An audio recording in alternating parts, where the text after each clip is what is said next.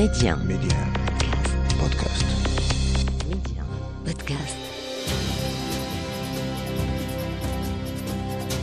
نبدأ من حيث توقفنا على الساعة الواحدة والنصف من زوال يوم الجمعة السابع عشر من فبراير 1989 تم الإعلان عن ميلاد اتحاد المغرب العربي وتلاوة العقد التأسيسي للاتحاد من قبل المستشار الملكي أحمد بن سودة في اختتام المؤتمر التأسيسي في قصر بلدية مراكش. ونقلت مباشرة لمستمعينا في المنطقة المغاربية التي كنا بالفعل إذاعتها حاضرين فيها.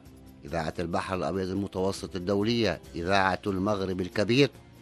نقلت مباشرة هذه اللحظة التاريخية. لقد كنت منفعلا في غاية السعادة فها هو الحلم. الذي يخامرني بدأ يتحقق. وكما أشرت إلى ذلك في الحلقة السابقة فقد استعددنا في ميديا هذا الحدث الكبير وكانت التغطية حيث أقمنا استوديو في مراكش انتقلت إليه مجموعة من الزملاء وكان في المتابعة المنصف بوعلاق وراحل سعيد بن صغير ومن القسم الفرنسي سامي الجاي.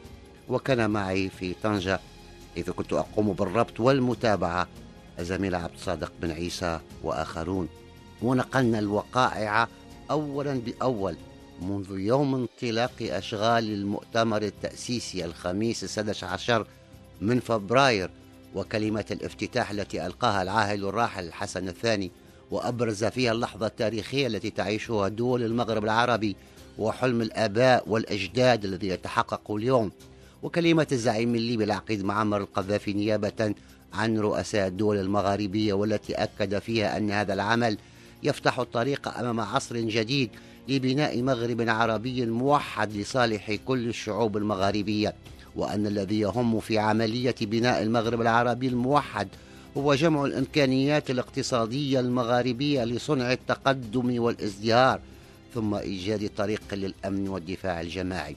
وقبل رفع هذه الجلسة الافتتاحية طلب الحسن الثاني بأن تقرأ الفاتحة على أرواح الشهداء وأن تكون قسما أمام الله وأمام الشعوب المغاربية للبقاء أوفياء لما تم الالتزام به. وصباح الغد الجمعة استؤنفت الأعمال ليتوج المؤتمر بالتوقيع على وثيقة التأسيس قبل أن يؤدي القادة الخمسة صلاة الجمعة بمسجد الكتبية العتيق.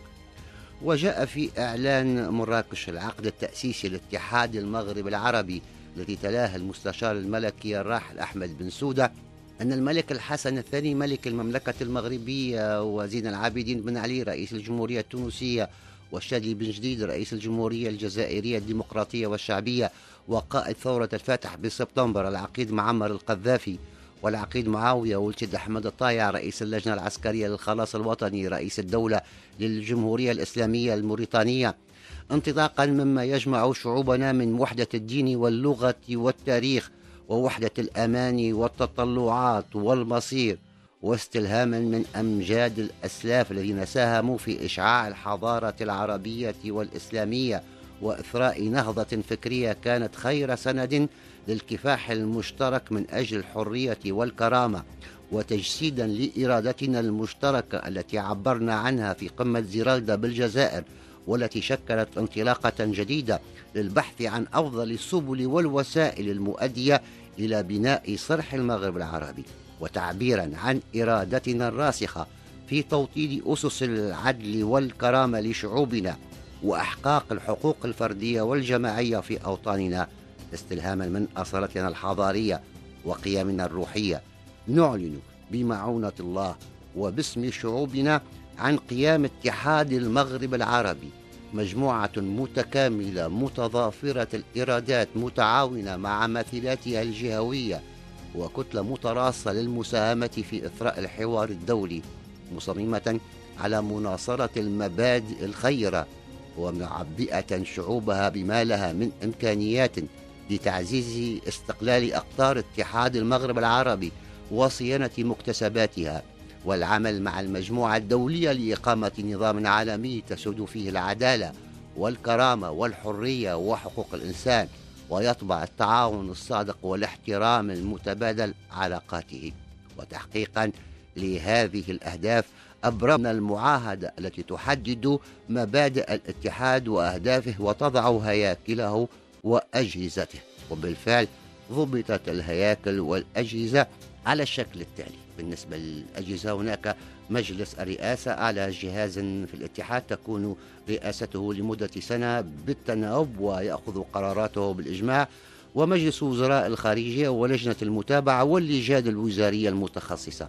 وعلى مستوى المؤسسات هناك الأمانة العامة للاتحاد ومقرها في الرباط على أن يتولاها تونسي. ومجلس الشورى والهيئة القضائية والأكاديمية المغاربية للعلوم وجامعة المغرب العربي وبنك المغرب العربي للاستثمار والتجارة الخارجية. وكان الاتحاد المغرب العربي نشيده أيضا من نظم الشاعر الجزائري محمد الأخضر السايحي وتلحين الموسيقار التونسي سمير العقربي وجاء فيه حلم جدي حلم أبي وأمي حلم من مات وحلم الحقب فانشروا رايته خفاقة وارفعوها فوق هام السحب بالتلاقي التآخي والوئام. نبتغي للمغرب الحر سلام ونصون الحب في أبنائنا لبلاد حققت هذا المرام شيدت وحدة هذا المغرب. بعد أشهر من قمة مراكش تم تنظيم رحلة بحرية مغاربية من وإلى طنجة عبورا لكل العواصم المغاربية بمبادرة من الراحل الحسن الثاني الذي سخر باخرة لتأمين هذه الرحلة.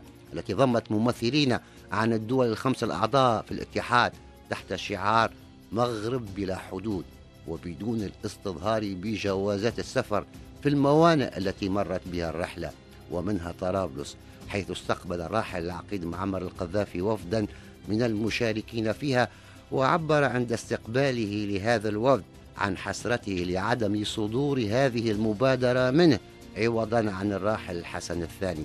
ووعد مازحا كما علمت بتنظيم رحلة مماثلة على ظهور الإبل عبر الصحراء من طرابلس إلى نواكشوط. لم تتحقق الأمنية ودخل الاتحاد المغاربي منذ بداية تسعينات القرن الماضي في حالة سبات وللحديث بقية في اللقاء القادم.